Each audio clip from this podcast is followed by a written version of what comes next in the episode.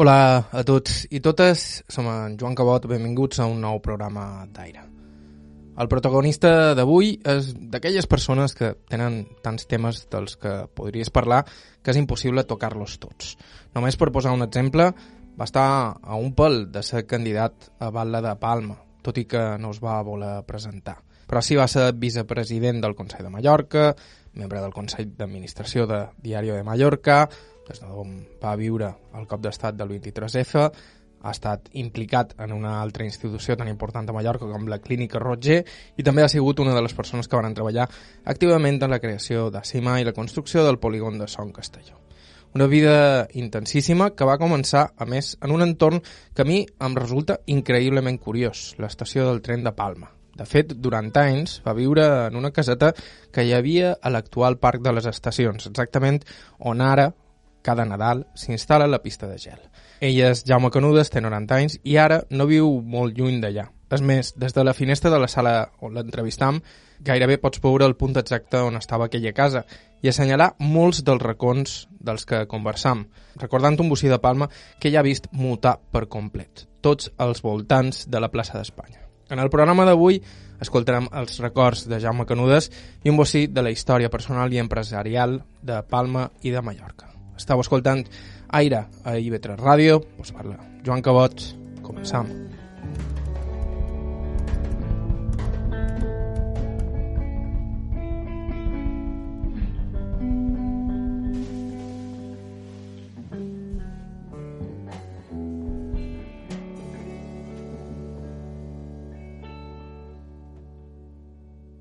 Ho fem, com han dit, des de la sala d'estar de Jaume Canudes, una mena de mirador al seu propi passat. El meu nom és Jaume Canudes Martínez i vaig néixer dia 31 d'octubre de l'any 1930. A on vaig néixer? A Palma. I en quin lloc?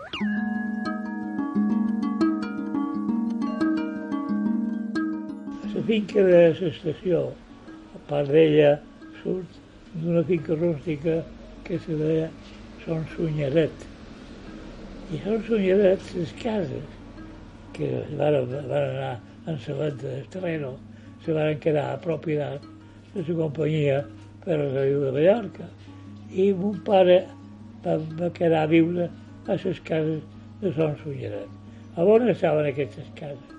pues, exactament li puc dir que estaven allà on avui en dia carrer Balmes, a través de les vies del tren, i ha una estació de BP, gasolinera de BP.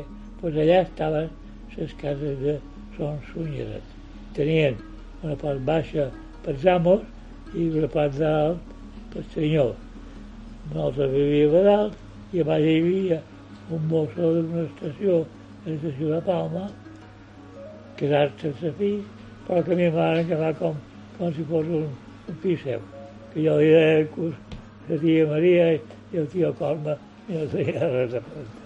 El motiu pel que Jaume Canudes va néixer i criar-se al voltant de les vies era la feina de son pare, cap de moviments de l'estació. Mon pare era jefe de moviment de ferrocarrils. Jefe de moviment de ferrocarrils era jefe d'explotació. Hi havia un servei de, de, de tràfic d'allí, que era el jefe de mon pare.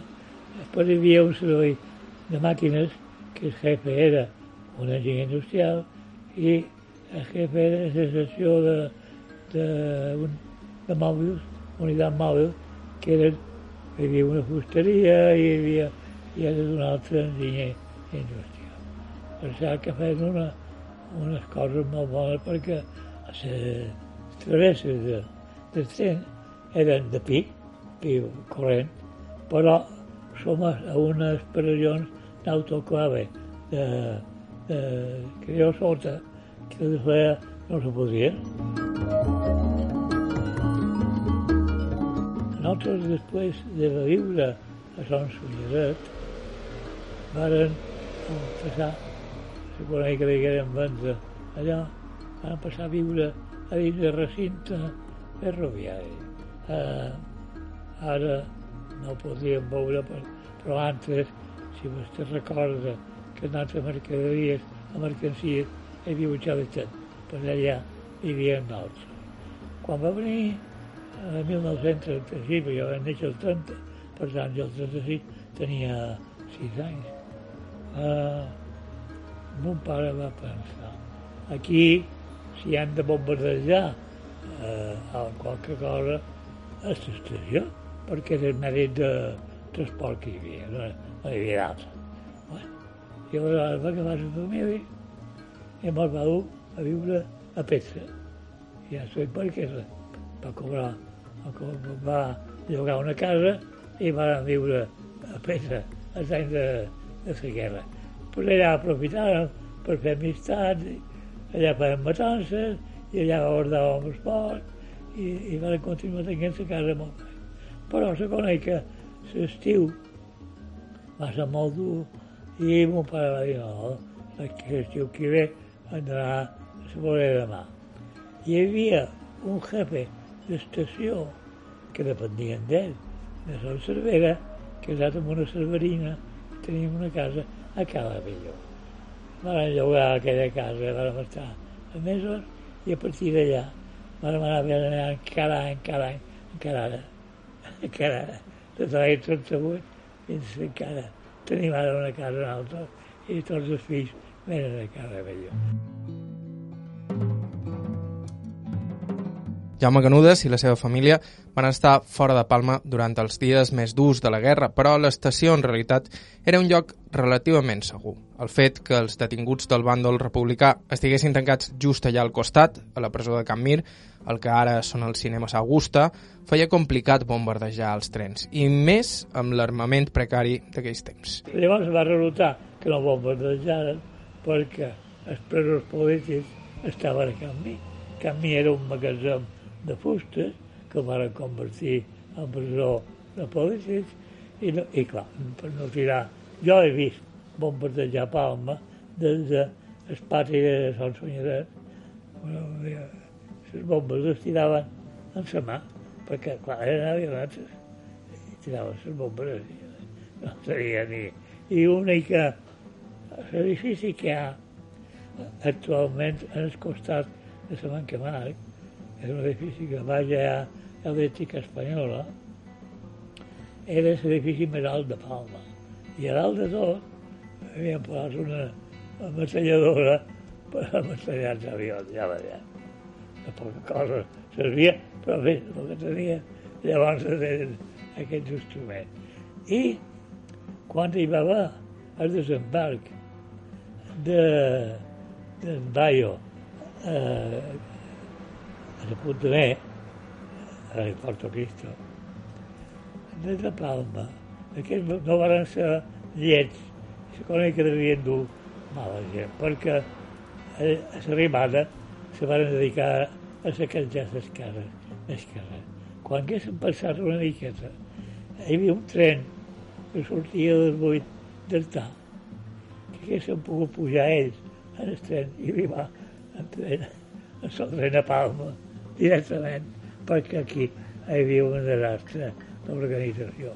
Inclús, mon pare me contava que se va organitzar un, una força per anar a combatre a, a, a, a Porto Cristo, però se coneix castellet per, per, per, no per ferrocarril, per, per camions, no era un tallet net, pareixia que, podia, que podien arribar tard, vamos, eh? o sigui, tinguessin convidat. I és soldats duen munició que duen dins la cartutxera. No n'hi havia més. Durant els anys de la guerra, a son pare el varen militaritzar. Una mostra més de la importància de la feina que desenvolupava aquell home, que havia entrat a l'estació en 16 anys. Se'n va anar de, de què seva, a de 17 anys, va venir a Palma, i va entrar a meritori a ferrocarrils, i anava fent substitucions pues, de, de jefes d'estació, que tenien vacacions, que tenien... I així va conèixer ma mare, perquè anava a Santanyí a substituir el jefe quan tenia vacacions, i llavors en els pobles hi havia molt costum de visitar les arribades dels trens. Era una distracció, per les poques que hi havia. I se coneix que va conèixer ma mare a l'estació i va, les relacions van prosperar.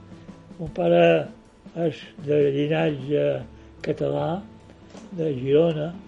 Eh, el seu pare va venir a Mallorca per explotar les mines de Baró i se va casar, va viure a Binissalem i se va casar a Binissalem. I mon pare va néixer a Binissalem. Eh, mon mare és filla d'un, també un peninsular, d'un senyor de Benavente, Zamora. Ell era capità de carabineros, capità de carabineros que llavors la força que se dedicava a la persecució del contramando i també se dedicava a la vigilància de costes. I aquest senyor va venir a Mallorca destinat i el van destinar a Santanyí. Se va quedar a Santanyí. De manera que jo tenc un abuelo o padrí que és de Girona i l'altre padrí que és de Benavente. Les predines són d'aquí les mallorquines, Mon pare era un home molt eh, assegut. Eh? Necessitava saber per club personal, si no tenia un caràcter eh, assabentat, com aquell que diu, era difícil, no? Però era un home molt apreciat. Encara tenc unes fotografies d'un sopar que van fer quan ell se va jubilar i llavors tots els que van ser treballadors amb ell que, que van fer. Mon pare el que era un home, el van militaritzar, perquè clar, quan els militars agafen una cosa perquè no tenia problemes, militaritzen la gent i així el detenen bajo mando. A mon pare el van fer tinet eh, i ja dic fotos d'ell en l'uniforme de tinet estampillat, com deia llavors. Un dia que era un home que havia Palma, tenia certa implantació. Per què? Perquè el ferrocarril era important, i era ferrocarril, una societat anònima privada, perquè no era de l'estat, era ferrocarril de Mallorca S.A. I un pare eh, a Palma tenia certa implantació. Un dia, va contar, arribar a Cent de Fodonits, hi va haver dos falangistes que duen un tio agafat. I van passar passant d'ell. Un pare tenia el despatx en el cantó de Sant Nen. Eh, jo no, l'altre. Eh, què, perquè ha, ha, ha fet, l'ha deixat de fer? I un pare va dir, no, no, no, no. Jo el conec, aquest home. No sé qui és, i fa molt d'any que el conec. I no, no és el que l'altre deia. Sí, perquè eh, passava en el meu despatx.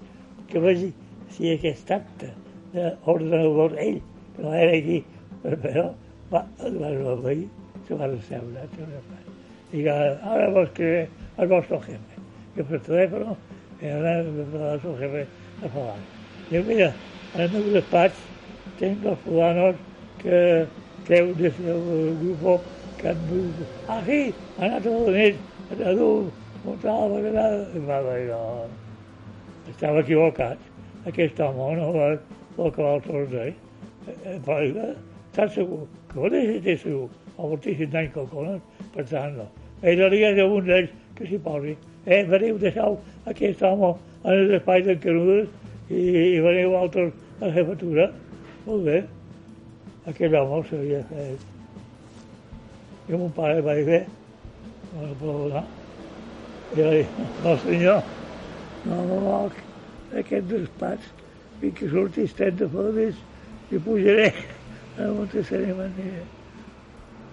Contava això, eh? perquè vegi que hi podia haver situacions que la gent no respectaven, no hi havia respecte per les dues parts, per les dues parts. Era Jaume Canudes, 90 anys i nascut a Palma, en concret a l'estació de tren. Estau escoltant Aire a IB3. Ràdio, fem una breu pausa i continuem.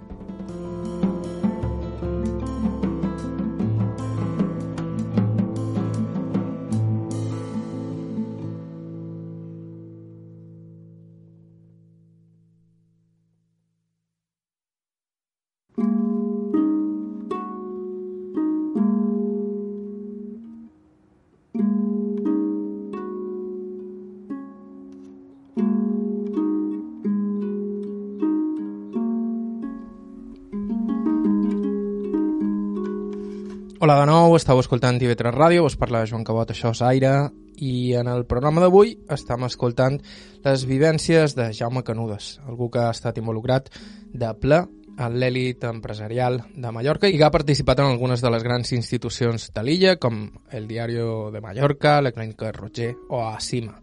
Però nosaltres, tant com aquesta vessant, ens interessa una faceta completament diferent de Jaume Canudes, com són els seus records d'infància. De fet, una de les coses que més ens ha fascinat del seu relat van ser algun dels detalls que ens va explicar sobre l'estació del tren de Palma, on son pare ocupava un càrrec de responsabilitat, o del barri que envoltava l'estació, també per motius personals, si és que és el barri on visc actualment.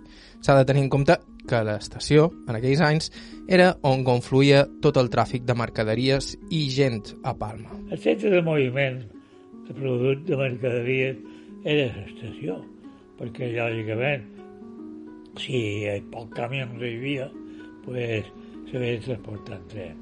I per tant, a dins l'estació tenien totes les instal·lacions per transport, des de transport de carbó fins al transport d'aviam i fins al transport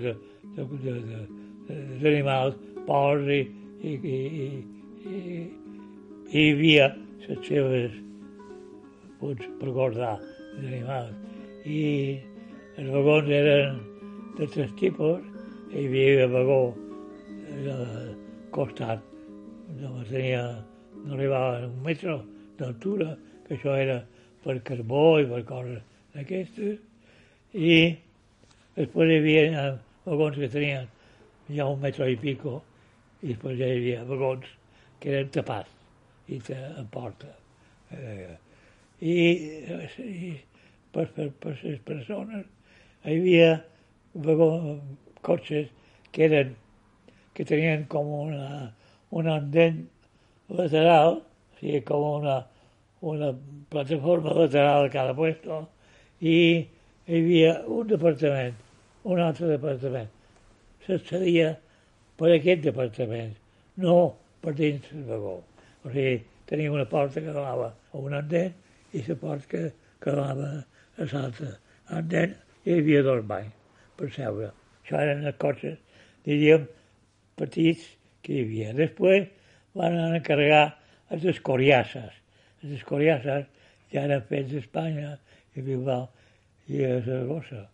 I eren ja cotxes allà on hi havia un passeig lateral i hi havia asientos bullits, per la part classe primera, i la classe segona era un passillo central amb asientos d'aquests que, com els tens de solla, que se volcaven a l'altra part.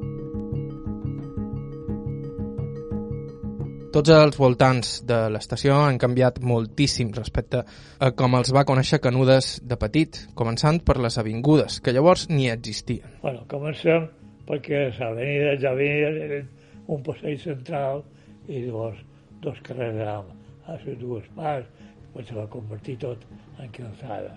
Nosaltres després vam passar a viure a l'edifici de Bar Cristal, que tenia darrere el magatzem d'oli de Can Balda. A la plaça d'Espanya hi havia en els cantonars, en cantonars, allà on hi ha avui en dia el Caim Balear, hi havia unes instal·lacions, una fàbrica de xocolata de Can Esteve. Els caputxins estan on estaven i les cases, les altres, estan com estaven. Però.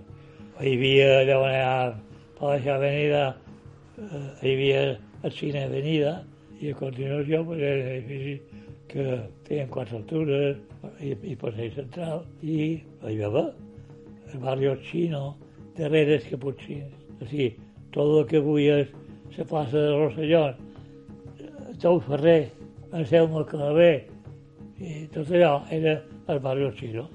Hi havia dos, 22, era el barri purament xino. I la presó era en els caputxins.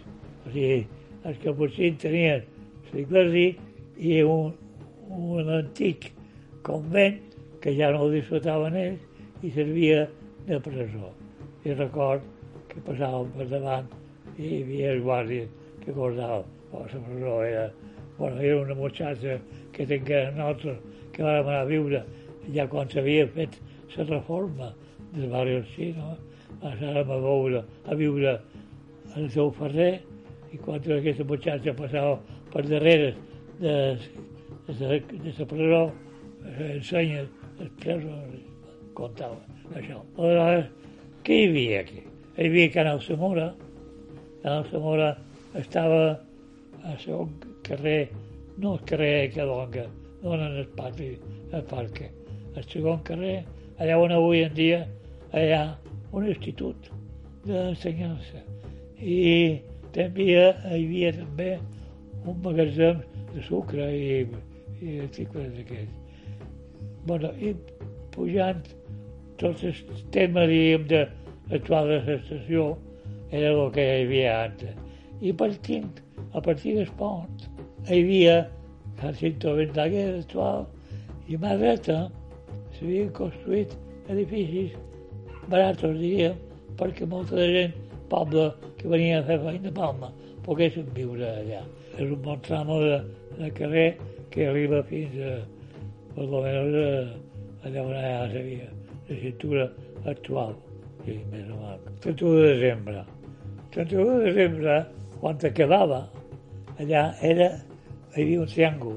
Avui en dia, a la plaça de, avui allà, hi havia carretera de Solla, carretera de Valldemossa. En aquest triàngul hi havia un camp de futbol. El camp de futbol de l'Atlètic, que després s'ajuntaria amb el Baleares, donant lloc a l'Atlètic Balears.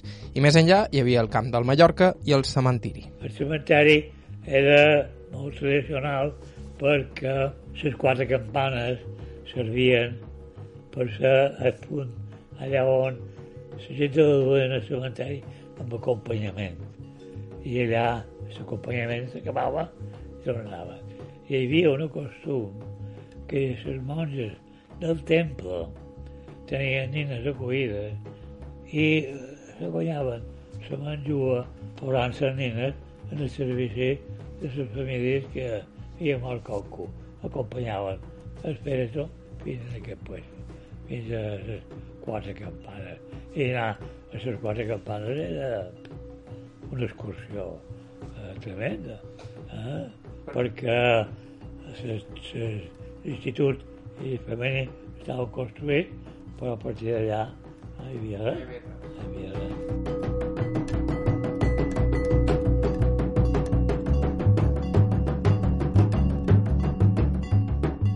Jaume Canudes va estudiar primer a Petra durant els anys de la guerra i després a la Salle, on ja s'havia format son pare, que més estava molt ben relacionat amb la congregació. En 16 anys, però, partiria a Madrid a continuar els seus estudis i no tornaria a Palma fins tenir-ne 23. Jo tenia 16 anys.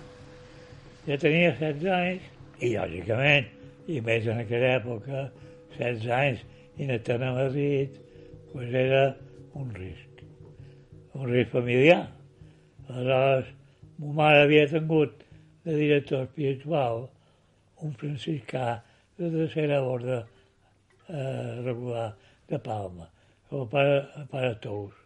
I aquell franciscà estava a Madrid, a la parròquia de San Diego, perquè a Madrid el bisbe els va donar dues parròquies perquè ells les regentassen. Una era San Diego i l'altra era San Francesc. Les dues situades en el puente de Vallecas. Puente, no, el Vallecas poble estava després. Bueno, pues, hi havia un mallorquí allà, hi havia un mallorquí que era Joan Sart, que li deien el nom Joan Terres.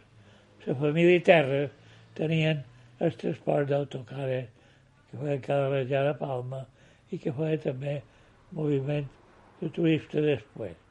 En Joan ja estudiava allà, jo vaig anar allà a estudiar, tot el personal era els franciscans, tenia un hermano Lego que era que feia el dinar, nosaltres dinàvem i sopàvem en el menjador en frares, a els seus horaris, i, i després tenia la meva habitació per anar a estudiar. A estudiar sense calefacció, jo una manta liada, i, que, i per no tenir fred. I curs, els diumenges hi havia el costum de batiar els nascuts. I va, hi havia dos frares. Un se dedicava a batiar i l'altre a escriure els batejos. Però hi havia, alguna vegada, hi havia tanta demanda de batiar que venia, Jaume, podries treballar, us ajudaries. I jo, en Joan Terra, treballàvem, fèiem les inscripcions, que a vegades no hi havia padrí, i bueno, posava a mi, jo de tenir un caramull de, de nens que som, jo som padrí i no sé qui són. És xocant les declaracions que feia aquesta gent, perquè vostè està casat, sí, estic casat, i llavors se va casar, aquí, i quin any? Ai, ah, aquí no se va casar, perquè aquesta església no era. O sigui que, total, que no estàs casat. No, pues no, no estàs casat. I ja està. No, ara pues apenas, allà eren molt ràpids. Puente de Vallecas. Jo necessitava 20 minuts caminant per arribar en el metro de Puente de Vallecas. I per allà d'allà agafava el metro, anava a Madrid. O sigui que i era un barri allà on de, molt de marginats, polítics sobretot, marginats polítics, vivien allà. Jo record que una vegada el franciscà que estava de guàrdia era un mallorquí, un pobre home molt pagès, i van anar un, uh, a demanar, volien un padre, querían demanar con un padre, i, i era tard el vespre. Y va a decir, bueno, hablar con ningún padre porque todos están colgados. Colgados dormint. ja ho va dir. Bueno, una vegada record que va venir el vespre oh, no sé, quatre o cinc persones a demanar a un padre, un padre, ¿Y qué pasa? Es que Blana, eh, resulta que se murió su marido y ella ve el espíritu del marido que va eh, del armario a la puerta. Bueno, y era para riera, para ella, y yo amo, devo acompañar, porque era el sol, sí. Yo me acompañar. Arribava a ballar tota. La casa era una habitació, i a l'habitació hi havia la dona meva en el llit i jo tot revoltant de gent, una llum al i mosca. I jo vaig anar compte, la mosca, quan el poble s'acosta en el llum, projecta una sombra, i aquesta sombra s'anava de part a part. Això era espantar-me, que veien ells, no era altra cosa. Total, que per l'era va ser la bendició i m'ho anava a dir, bé, quina bendició, en pear, diu, les espanades de Pasco. que volia que veig.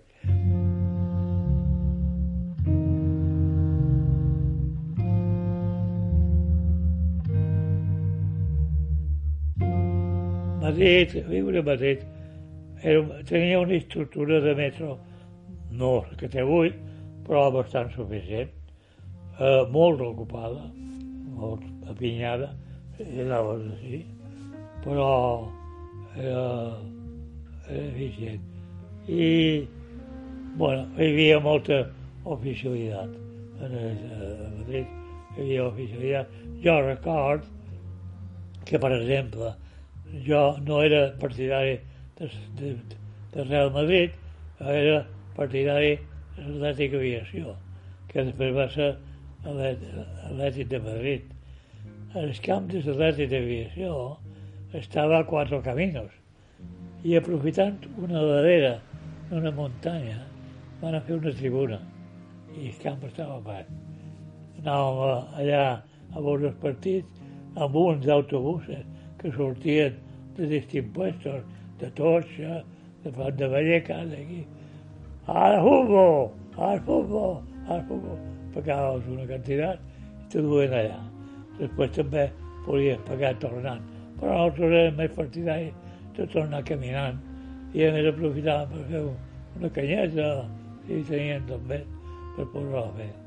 A Madrid hi havia coses tradicionals, que era anar a menjar gambes al Carabuelo, que eren extraordinaris, una canció de gambes i un tassó de vi fantàstic.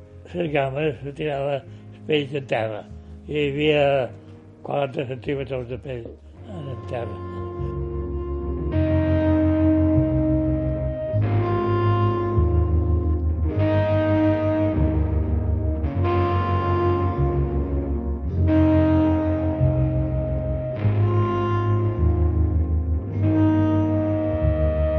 Eren els records dels anys d'estudiant a Madrid de Jaume Canudes, nascut el 1930 a Palma.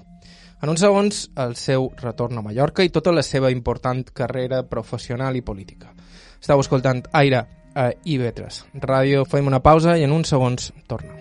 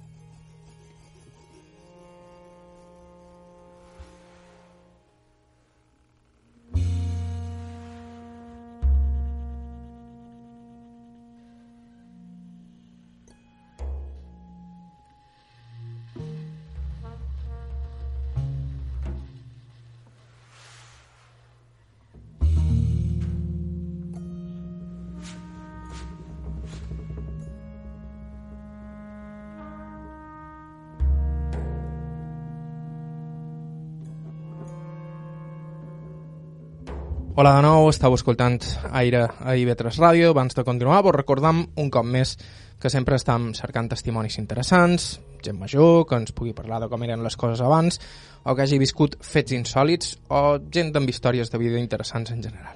Si teniu qualsevol idea o suggeriment, ens podeu escriure a aire.ib3radio.com aire.ib3radio.com o deixar-nos un missatge al 971 13 99 31. De fet, el protagonista d'avui ens va arribar per correu electrònic. Va ser el fill de Jaume Canudes, Nacho Canudes, qui ens va suggerir la idea d'entrevistar son pare i li estan molt agraïts perquè la seva ha estat una vida plena d'interès. Precisament ens havíem quedat a les portes del seu retorn a Mallorca, després dels seus estudis a Madrid i de l'inici d'una carrera professional en què deixaria poques coses sense tocar. Des del seu treball a l'aeroport de Sant Bonat, a la inspecció d'Hisenda fins a les seves incursions en el món empresarial i polític, participant en algunes de les institucions més importants de l'illa de Mallorca. Jaume Canudes tenia 16 anys quan va partir i va tornar quan en tenia 23. Jo vaig venir als 23, hecho un señorito con un destino oficial. Vaig venir destinat a Sant Bonat. Vaig venir destinat a Sant Bonat, juntament amb un altre companyero de la meva promoció, que era a Miguel Bernabéu, que era valencià. A la promoció aquesta de, de Bernabéu eren els dos únics puestos que van sortir de plaça vacant a Sant Bonet. Sant Bonet llavors era un aeroport que va passar a ser més internacional. I per aquest motiu nosaltres estàvem destinats a l'aeroport per moviment internacional. Allà, a l'aeroport, en aquella època, era l'època contrabando, de tabac. També entrava per l'aeroport? No, sortia. Sortia? Eh, estava per la costa. Eh? Que a més, llavors era molt curiós, perquè si el coronel jefe de la Guàrdia Civil havia assignada els puestos de vigilància de les parelles. A tal hora han de ser a tal puesto. I aquella parella a tal hora era en aquell puesto però que ho deixava libre l'altre perquè pogués pues supos que aquest devia fer així. El tabac era aquí i volia sortir cap a l'Església. I aleshores hi havia organitzacions, supos, que amb, amb personal d'Ibèria i sense personal d'Ibèria se dedicaven a fer viatges.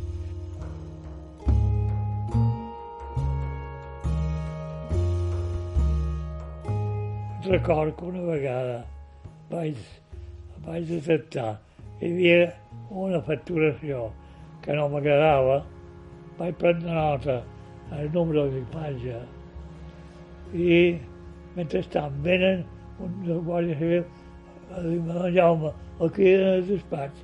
Vaig anar al despatx, deixar en banda la facturació feta. I jo vaig, que, vaig cridar a Madrid i vaig dir als companys de Madrid, reviseu l'equipatge com tal, tal, tal i tal. A fer una, una agafada de contrabando de tabac. I una altra vegada era contrabando de faixes de goma i tal. No, no van intentar en cap moment que forméssiu part, Eh, Portuguera d'intentar intentava sobornar. int- amb un pare, allò. Quan anava amb un pare, a veure si jo podia no ficar-me. No, l'únic que havia de fer, no ficar-me. Sí, perquè hi havia molt d'interessos. I bé, molt dit. I mon pare li va dir, el meu fill és mig beneit. Segurament va dir que no.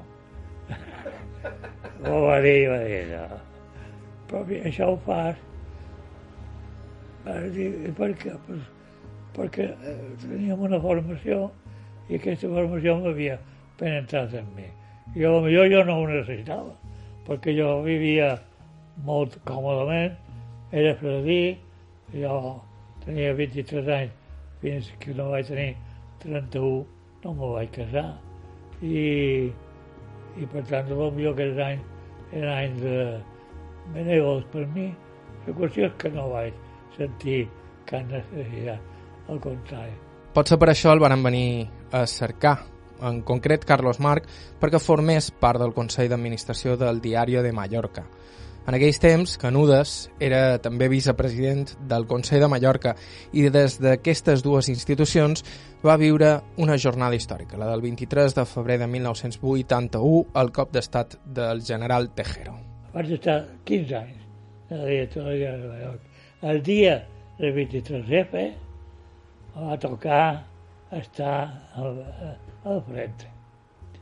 Per què? En vegades s'havia anat a Madrid a reunió de directors eh, que tenien d'un per un, un producte complementari. I clar, era a Madrid.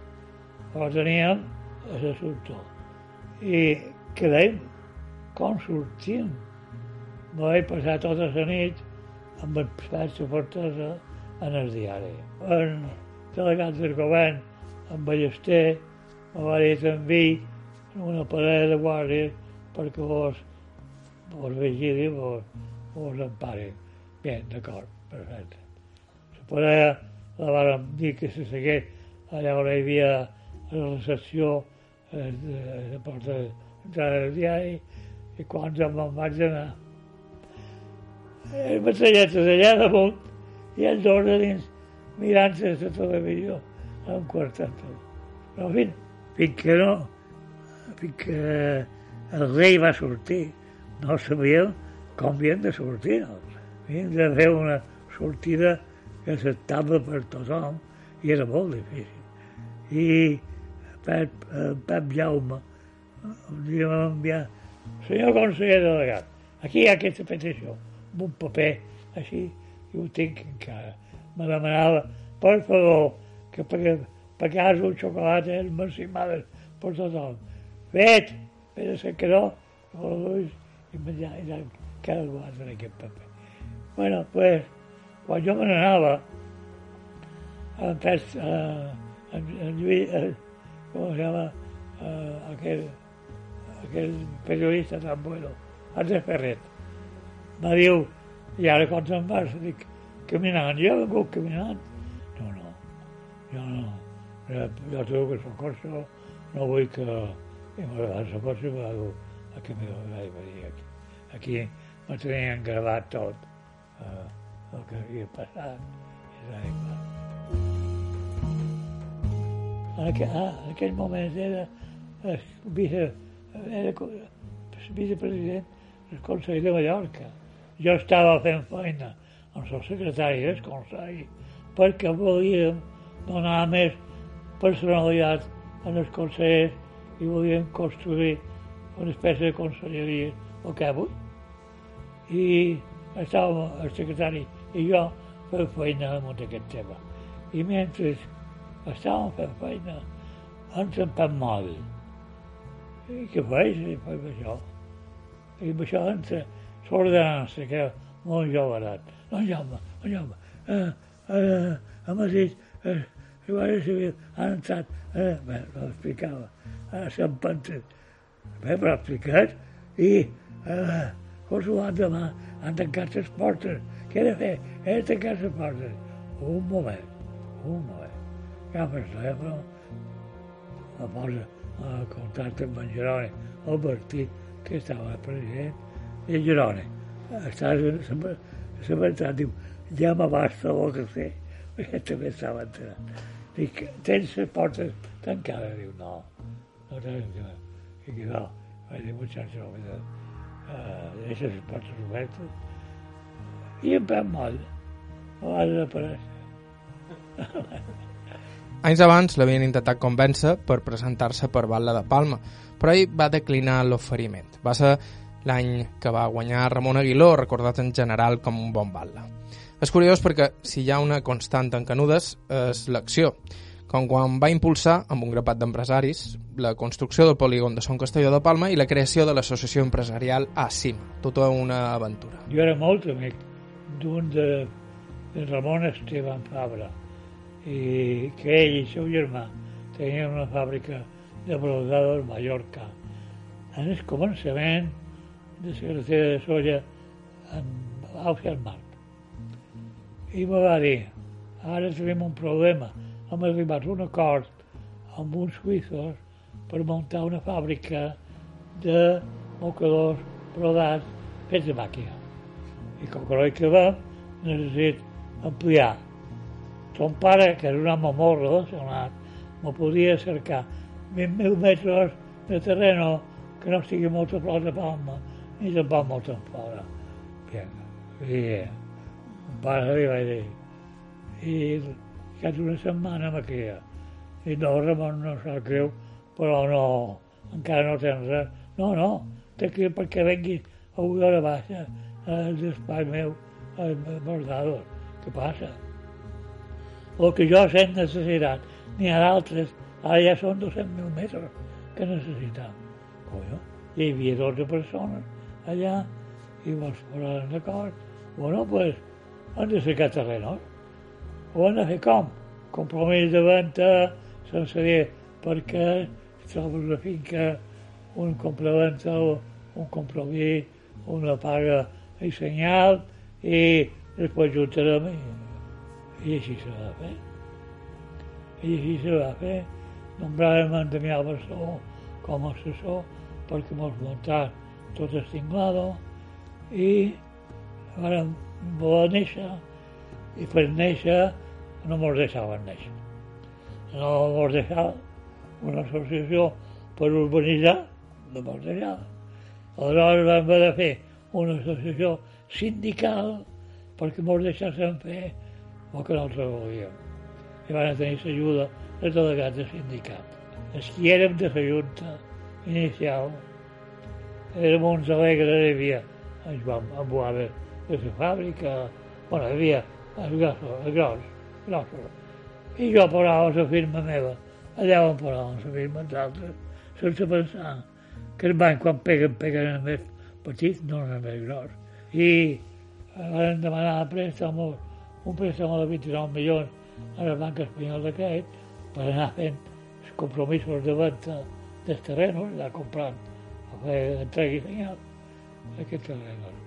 I després vam cercar un equip d'arquitectes que, que treballaven bé, eh, eren dos arquitectes i un enginyer social, i ens reuníem eh, en els baixos, als espais de Jaume III, i allà estudiàvem les peticions de terreno que els demanàvem quin consum tindrien d'aigua, i consum tindrien d'electricitat, per poder ubicar els puestos allà on havia d'arribar l'aigua i havia d'arribar l'electricitat. I treballàvem allà a partir de les 7 de la baixa fins a les 11 del vespre, fer feina amb aquest tema. Això va ser així i després començàvem a rebre visites de gent de fora, perquè eren els únics polígonos que se feien per portació privada. Per fer portació privada varen, varen el governador i varen demanar que mos eh, milloràs carretera de Bunyola. No hi havia manera. Aleshores, el que dia vam organitzar uns viatges falsos de tots autocares, vull dir, camiones de campons perquè circulassen una vegada i dues i tres, i el duien, el duien amb ell, i que arriba un camió que arriba, el va repinjar. I per aquí va ampliar cartera de Bunyola i va ordenar que posaven en marxa la via de cintura perquè vegi en quin punt arribava.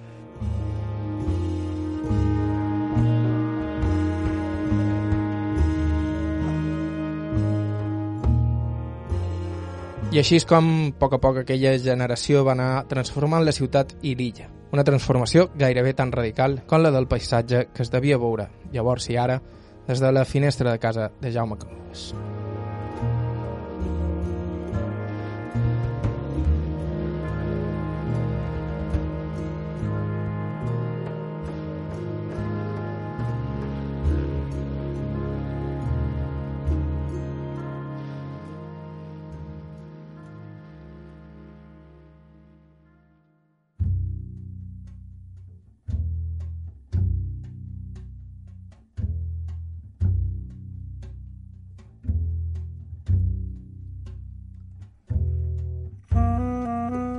I fins aquí el programa d'avui. Moltíssimes gràcies a Jaume Canudes i la seva dona pel seu temps i amabilitat i moltíssimes gràcies al seu fill Nacho per escriure'ns.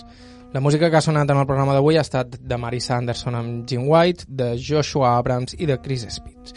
Podeu escoltar aquest i tots els nostres programes anteriors a ivetres.org i ivetresalacarta.com i també vos podeu subscriure al podcast d'Aire a qualsevol dels agregadors disponibles.